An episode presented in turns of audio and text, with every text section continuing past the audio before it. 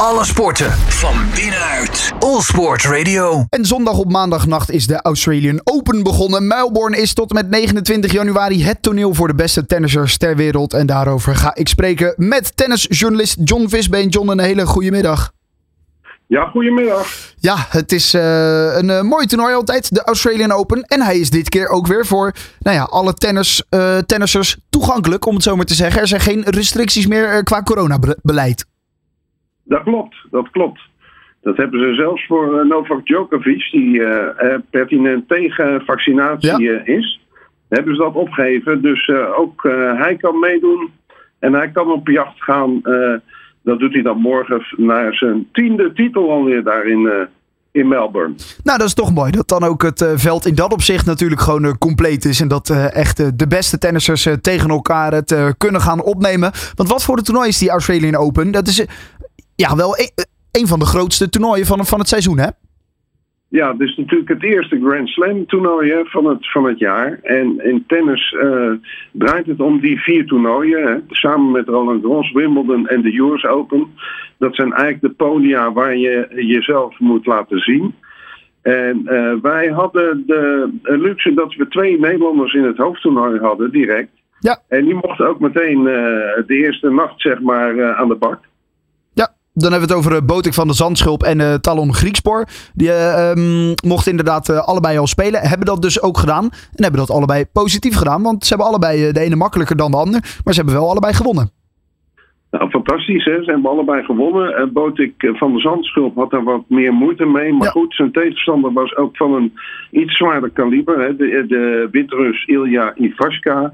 Geen onbekende. nummer 72 van de wereld. Botik van de Zandschulp voor het eerst in zijn carrière geplaatst. Als nummer 32 van de, van de plaatsingslijst.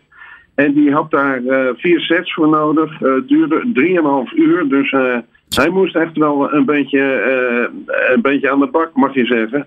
Um, Teller Griekspoor die was veel sneller klaar met, met een Rus, Pavel Kotov. Dat won hij in drie sets. En um, ja, dat, uh, dat, uh, dat ging eigenlijk een stuk makkelijker. En uh, ja, het lot wil nu dat ze tegen elkaar moeten. ja, dat is dan wat je niet wil. Dat de twee Nederlanders die meedoen, dat die in de tweede ronde gelijk al tegen elkaar moeten. Nee, nou ja, aan de ene kant kun je zeggen, er staat er in ieder geval een Nederlander in de derde ronde. Hè? En, en, en, dat is op zich al, al hoopgevend. Aan de andere kant is het eigenlijk jammer. Want ja, ze hebben allebei kans tegen een hoop spelers. Dus uh, ze hadden allebei misschien nog wel verder kunnen komen. In ieder geval, dit gebeurt zelden, mag je wel zeggen. Uh, het is zelfs 22 jaar geleden dat twee Nederlanders op Grand Slam niveau uh, tegenover elkaar stonden. Dat was in hetzelfde toernooi. Dat waren destijds Jan Simmerink en Schenk Schalke. dus ja, het is redelijk uniek. Dat gaan we woensdagnacht dan beleven. Ja, inderdaad, want uh, ze hebben nu dus uh, nog eventjes rust. En dan woensdagnacht uh, spelen ze inderdaad tegen elkaar. Ja, wat kunnen we dan, als we dan toch uiteraard eventjes vooruit gaan blikken op die wedstrijd, daarvan verwachten van de Zandschulp? Heeft natuurlijk een veel zwaardere pot gehad dan Griekspoor. heeft Griekspoor daarmee een, een voordeeltje, zou je kunnen zeggen? Zou je kunnen zeggen. Aan de andere kant hebben ze, krijgen ze een dag rust, hè, die jongens. En, en die zijn natuurlijk topfit. Uh, aan de andere kant spreekt uh, in het voordeel weer van Botik uh, van de Zandschulp dat hij afgelopen maand in december Nederlands kampioen werd ten koste van Griekspoor. Hè, dat dat won hij. Maar goed, Tellen die heeft de, in de aanloop naar de Australian Open in India een toernooi zijn eerste ATP-titel gewonnen. En uh, ja, dat was natuurlijk geweldig. En hij deed dat door uh, in die finale daarvan van een Fransman uh, te winnen. En die had op zijn beurt in de halve finale van, van de Zandveld gewonnen. Dus ja, je kunt ook zeggen dat de man in vorm Griekspoor is. En ja, hij zegt ook zelf, het wordt een heel gevecht. We kennen elkaar natuurlijk van haven tot gort. En uh, ja, de, de, beste gaan het winnen. Ze hebben al, al vaker natuurlijk tegenover elkaar gestaan. Trainen veel met elkaar. Dus uh, ja, dat, wordt, wordt wel een bijzonder potje, denk ik. Ja, ja, dat kan ik me voorstellen inderdaad. En nou ja, in ieder geval in Nederland dan dus uh, in de derde ronde van de Australian Open. Laten we dan inderdaad maar positief bekijken op die manier. Ehm, dan hebben we natuurlijk nog uh, andere spelers. Nadal, die is ook al in actie gekomen in de openingsronde van de Australian Open. en die heeft een, een vierzetter nodig om langs Jack Draper nou ja, om daarvan te winnen. Ja, klopt. Nadal, daar werd natuurlijk een beetje naar, uitgekeken. hij is titelhouder. Hij won verrassend vorig jaar de finale van Daniel Medvedev. Uh, en dat deed hij dan dat hij 2-0 in sets achterkwam. En hij, hij kwam terug en won alsnog zijn 21ste Grand Slam titel. Uh, daar voegde hij er in Parijs nog eentje bij. Dus hij staat op 22. Hij, hij won van Jack Draper. En dat is een, een hele goede overwinning. Omdat Nadal het laatste half jaar eigenlijk niks had gewonnen. Hij is heel lang geblesseerd geweest. Begon met de voorbereiding met twee nederlagen in Australië. En uh, dus hij was uh, eigenlijk heel blij dat hij, uh, dat hij gewonnen had. Ja. En, en, want die Draper, ja, die, dat is een 21-jarige Brit, hè, de nieuwe Britse hoop, mag je wel zeggen. is, is een hele goede speler. Keek er erg naar uit, maar was na drie sets. hij kreeg last van een spier in zijn ja, is, is een maagsteek, zeg maar. Daar is een soort, uh, eigenlijk een beetje een service spier noemen we dat. En uh, toen was zijn verzet wel gebroken, maar uh, ja, Nadal was drie uur en veertig minuten bezig. Dus, dus hij heeft het niet cadeau gekregen.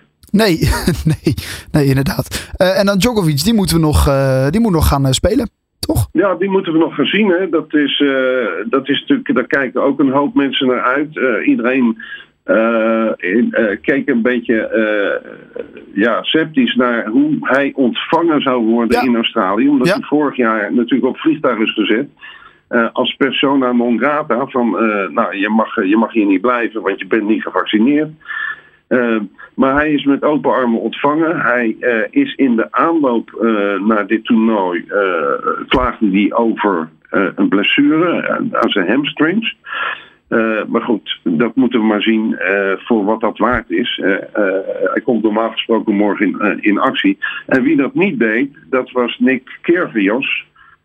zijn tegenstander vorig jaar in de Wimbledon finale. dat was natuurlijk de grote hoop voor, voor de Australiërs. Maar die meldde zich enkele uren voor zijn partij af met een knieblessure. Uh, het is een beetje de rebel hè, van, van, het, van het circuit. Uh, maar goed, hij, hij had natuurlijk toch graag gespeeld. En, en, maar is er niet bij. Kan, was niet fit genoeg. Nee. Nou, het uh, toernooi is dus begonnen. De Australian Open duurt tot en met 29 januari. Dan kunnen we dus weer genoeg tennisgeweld zien. Ja, vooral in de nachten. Daarin moeten we een beetje opblijven, John. Ja, ja, als je het nog, uh, ja, dat mag je wel zeggen. Uh, ze, ze, lopen tien uur op ons voor, dus uh, dan kan je het steeds uitrekenen. Ja. ze beginnen de eerste dagen om één uur s'nachts onze tijd, maar dan zijn zij daar al vrolijk. We stonden bijt al op en noem maar op. dus elf uur ja. ochtends. Ja. Dus we kunnen nog even iets van die vrouwen zeggen. Daar, daar is nog niet zo gek veel gebeurd, moet ik zeggen. nummer één van de wereld, die had een moeizame partij, Iga Swiatek. Maar die won toch. Uh, maar er is natuurlijk, de vraag is wie de opvolg, opvolgster, moet ik zeggen, wordt van Ashley Barty. Die Australische, die uh, won het vorig jaar. Uh, maar een maand later zei ze, nou ik stop, ik stop met tennis. Het is mooi geweest. Inmiddels is ze zwanger. En de, net als trouwens de, de, de winnares van de editie daarvoor, Naomi Osaka, die is ook in blijde verwachting. Dus uh, die zijn er allebei niet bij. De vraag is uh, wie de opvolger wordt van Barty. We gaan het in de gaten houden. John Visbeen, dankjewel voor je tijd nu. En de Australian Open duurt dus tot en met 29 januari. Alle sporten van binnenuit. All Sport Radio.